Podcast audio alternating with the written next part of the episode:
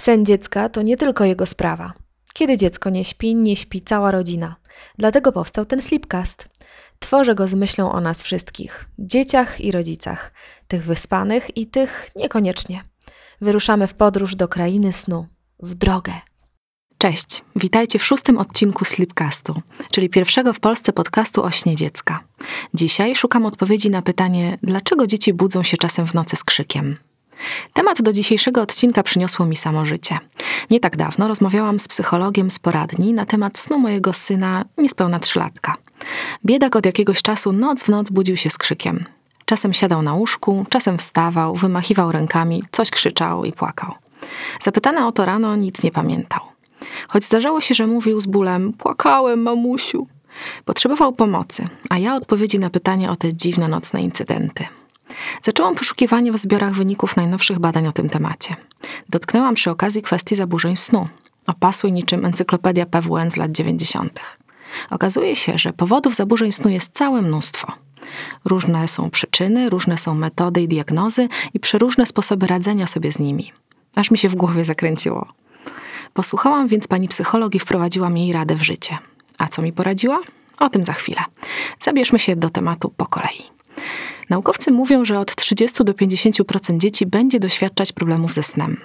Zaburzenia snu mają wpływ na różnorodne obszary życia dziecka, od emocjonalnego, poznawczego, przez behawioralny do rodzinnego. Ich wczesne rozpoznanie może zapobiec negatywnym następstwom, takim jak senność w ciągu dnia, drażliwość, problemy z zachowaniem, trudności w nauce. Niektóre z zaburzeń mają podłoże medyczne, inne psychologiczne, a jeszcze inne behawioralne. Te ostatnie należą do najczęstszych. W fachowym języku mówi się tutaj o parasomniach. Występują często wśród dzieci.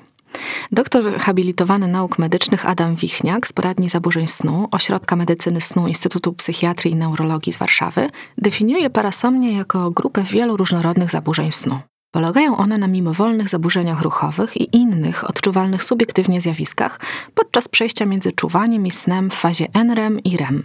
Naukowcy wymieniają 15 parasomni a wśród nich lunatykowanie, czyli somnambulizm, lęki nocne, koszmary senne, moczenie nocne, zaburzenia odżywiania i inne.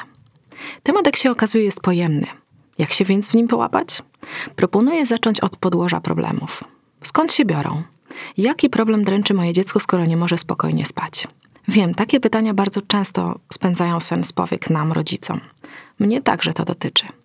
Bo skoro moje dziecko źle śpi, to pewnie robię coś nie tak, prawda? Otóż nie do końca. Badacze tematu widzą takie oto podłoża problemu. Z jednej strony mamy typowo behawioralne powody, przykład niewłaściwą higienę snu, o której była mowa w drugim epizodzie Sleepcastu, behawioralną bezsenność, koszmary, lęki nocne, opóźnioną fazę zasypiania czy psychologiczną bezsenność. Z drugiej strony podłoże może być medyczne, jak w przypadku bezdechu sennego czy zespołu niespokojnych nóg. Czyli z jednej strony mamy jako rodzice pewien wpływ na to, czy nasze dziecko będzie spało dobrze, a z drugiej ten wpływ jest mocno ograniczony. Weźmy na przykład ustalenia naukowców, którzy mówią wprost. W przypadku niemowląt fazy REM jest proporcjonalnie więcej niż w przypadku snu dorosłych. A to właśnie REM jest często związana z wybudzaniem się. Na jakie inne powody zaburzeń snu wskazują eksperci? Wprost mówią na przykład o lękach. Doświadcza je wiele dzieci. Ale czego mogą bać się maluchy otoczone miłością i troską opiekunów? Niektóre boją się swoich pokojów, inne domagają się świecenia światła w pokoju z obawy przed ciemnością, a jeszcze inne najbezpieczniej czują się śpiąc lub zasypiając z rodzicami. Obok lęków dzieci przeżywają też sporo stresów. Zaprzestanie aktywności, która sprawiała dziecku radość, to jeden z nich.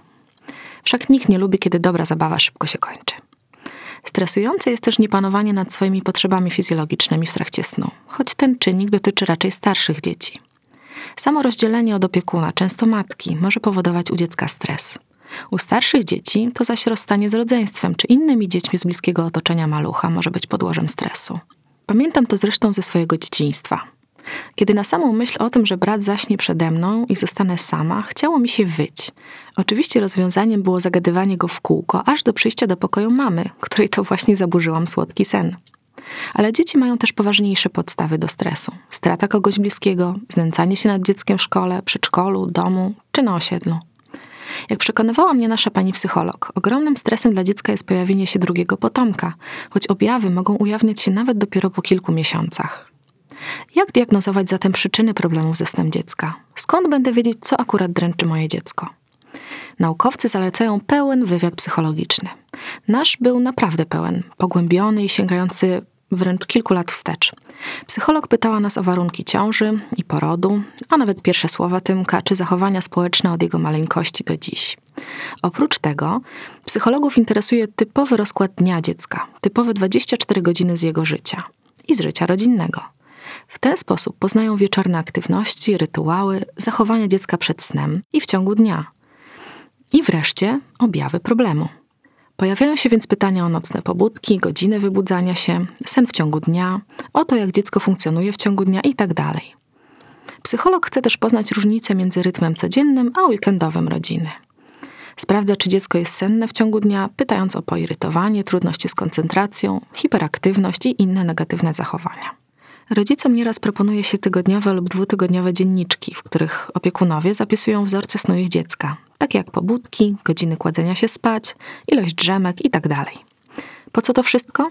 Ano po to, by stworzyć jak najpełniejszy obraz sytuacji i znaleźć najlepsze rozwiązanie dla tego konkretnego dziecka. Przyznam się Wam, że czasem się denerwuję, kiedy ktoś zwraca się do mnie z prośbą o natychmiastowe podanie rozwiązania w przypadku problemów ze snem jego dziecka. To trochę tak, jakby dentysta leczył ci zęby przez internet, mówię. Bo nie da się znaleźć dobrego rozwiązania bez dokładnej analizy całego otoczenia życia dziecka. Niektórzy naukowcy posuwają się też do proponowania tzw. Tak aktigrafu, czyli urządzenia wielkości zegarka służącego do pomiarów. Zakłada się go dziecku na rękę na pewien czas, od dwóch dni do kilku tygodni, by badał poziom aktywności. W ten sposób zdobywa się wiedzę o porach snu dziecka, o godzinach wybudzeń czy innych aktywnościach. Tyle psychologia w naukowym wydaniu. Moja domowa psychologia zakłada ponadto, by przede wszystkim obserwować własne dziecko i reagować. Jeśli Wam, podobnie jak nam, zdarzają się takie okresy płaczu czy innych zaburzeń snu, to spróbujcie poszukać sami tej przyczyny. Postarajcie się wcielić w rolę psychologa i spojrzeć nieco z boku na to, co się dzieje wokół Waszych dzieci. Czy zachęcam, byście zostawali domorosłymi psychologami? Jak najbardziej tak. Nic w tym złego, że udacie się na rozmowę z psychologiem z zestawem własnych tez i poglądów. Będzie Wam łatwiej je wspólnie zweryfikować. Przekonałam się o tym sama. Miałam pewne podejrzenia co do Tymka i okazały się prawdziwe. W naszym przypadku koszmarni nomen omen winowajcy to narodziny siostry 9 miesięcy temu, zmiany w przedszkolu, przejście z grupy żłobkowej, nowa kadra, nowa sala, nowe dzieci, czyli nowe, nowe, nowe. Dzieci są, jak wszyscy faceci, chciałoby się rzec. Lubią to, co już lubią i co dobrze znają. jak ulubiony wyciągnięty t-shirt, para niezawodnych, wyświechtanych korków, czy krem w niebieskim okrągłym pudełeczku, którego używały jeszcze ich mamy, kremując im pupcie. No dobrze, wiemy już, jakie podłoże mogą mieć problemy ze snem i jak się je diagnozuje. A jak radzić sobie z zaburzeniami snu o podłożu behawioralnym, czyli z tymi najczęstszymi? Zebrałam metody sprawdzone naukowo i wygląda to następująco. Na pierwszy ogień weźmy bezsenność behawioralną u dzieci. Występuje często i charakteryzuje się wyuczoną niezdolnością do zaśnięcia lub utrzymania snu. W przypadku tego zaburzenia dzieci mogą wielokrotnie wybudzać się w nocy, albo mogą mieć trudności z zasypianiem, albo też mogą występować oba te zjawiska naraz. Badania naukowe dowodzą, że najlepszą metodą radzenia sobie z tym zaburzeniem jest przede wszystkim wprowadzanie i dbanie o właściwą higienę snu. Skuteczne okazują się też tak zwane metody wygaszania, czyli znana Wam metoda wypłakiwania się, angielskie słowo standard extinction, oraz metoda stopniowego wygaszania, czyli graduated extinction. Naukowcy zachęcają też do wprowadzenia odpowiednich wieczornych rytuałów. Co dalej? Koszmary nocne, złe sny i nocne lęki. Należą do jednych z najczęstszych powodów pobudek z krzykiem w nocy. Szacuje się, że 3 czwarte dzieci choć raz doświadczyło złego snu czy koszmaru. Szczyt ich pojawiania się przypada na jakiś dziewiąty rok życia dziecka. Pomimo, że stosowane są zamiennie, każde z tych pojęć ma inną definicję. Koszmary powodują, że dziecko się wybudza, w przeciwieństwie do złych snów, a nocne lęki występują wtedy, gdy dziecko jest obudzone. A czy wiedzieliście, że dzieciom między 7 a 9 rokiem życia najczęściej śnią się wymyślone postacie napawające ich lękiem? Ze starsze 10-12-letnie dzieci najczęściej boją się porwania, które im się przyśniło. Inne badanie na dzieciach w wieku od 8 do 12 lat pokazało, że dzieci w tym wieku obawiają się o swoje rodziny i o bezpieczeństwo, a także odgłosów z wnętrza lub z zewnątrz domu. Czy można tym lękom zaradzić? Nie ma naukowo potwierdzonych metod przeciwdziałania koszmarom i lękom. Najczęstsze sposoby stosowane przez rodziców to odwracanie uwagi, rozmowa z rodzicem, oferowanie przytulanki. Ferber, ten od zmodyfikowanej metody wypłakiwania się, proponuje zaś naukę samouspokajania się z wykorzystaniem relaksacji, wizualizacji kierowanej i pozytywnych przekazów w stylu jesteś dzielną dziewczynką, jesteś dzielnym chłopcem. Ferber podpowiada, że dobre rezultaty można osiągnąć także wprowadzając nagrody za odwagę. Zaś za powód koszmarów sennych uznaje on nieodpowiedni wieczorny rytuał. A konkretniej mówi, że dziecko kładzione spać za wcześnie będzie miało tendencję do koszmarów sennych. No ale to tylko jedno z wytłumaczeń. Mamy jeszcze zaburzenia rytmu snu. To kolejna przyczyna problemów ze snem dzieci. Co to takiego?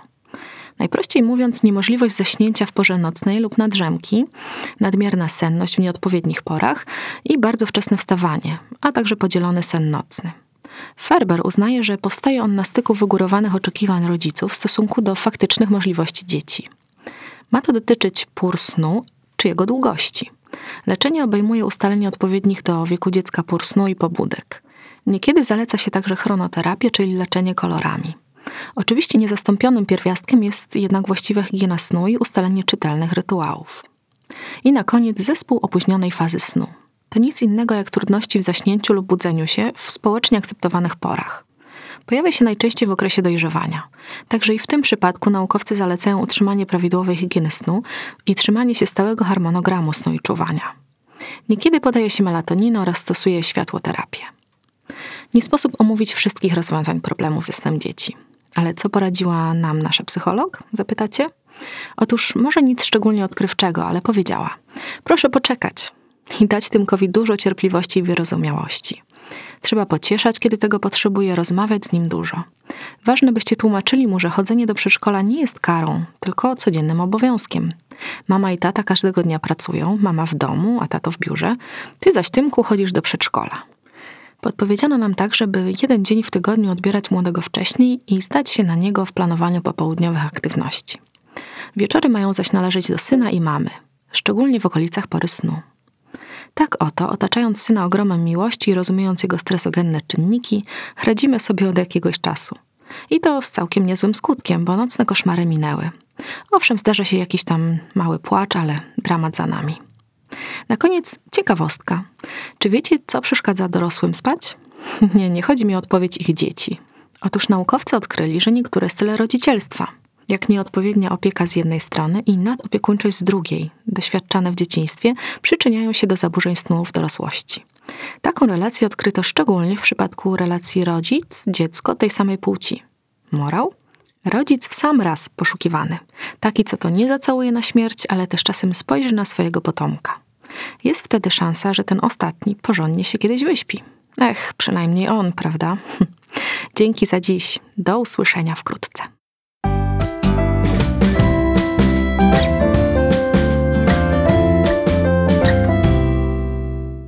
Dziękuję za czas poświęcony na wysłuchanie tego slipcastu. Pamiętaj, treści tu prezentowane to nie porady medyczne. Jeśli coś Cię niepokoi w śnie Twojego dziecka, zawsze najpierw porozmawiaj z położną lub lekarzem. A w międzyczasie zapraszam na mojego bloga mamasubiektywnie.pl i do śledzenia mnie na Facebooku i nie tylko. Po więcej ciekawych tematów dla rodziców sięgnij też po mojego e-booka Podróż za niejeden uśmiech. Znajdziesz go na blogu. Do usłyszenia, Marta Andreasik.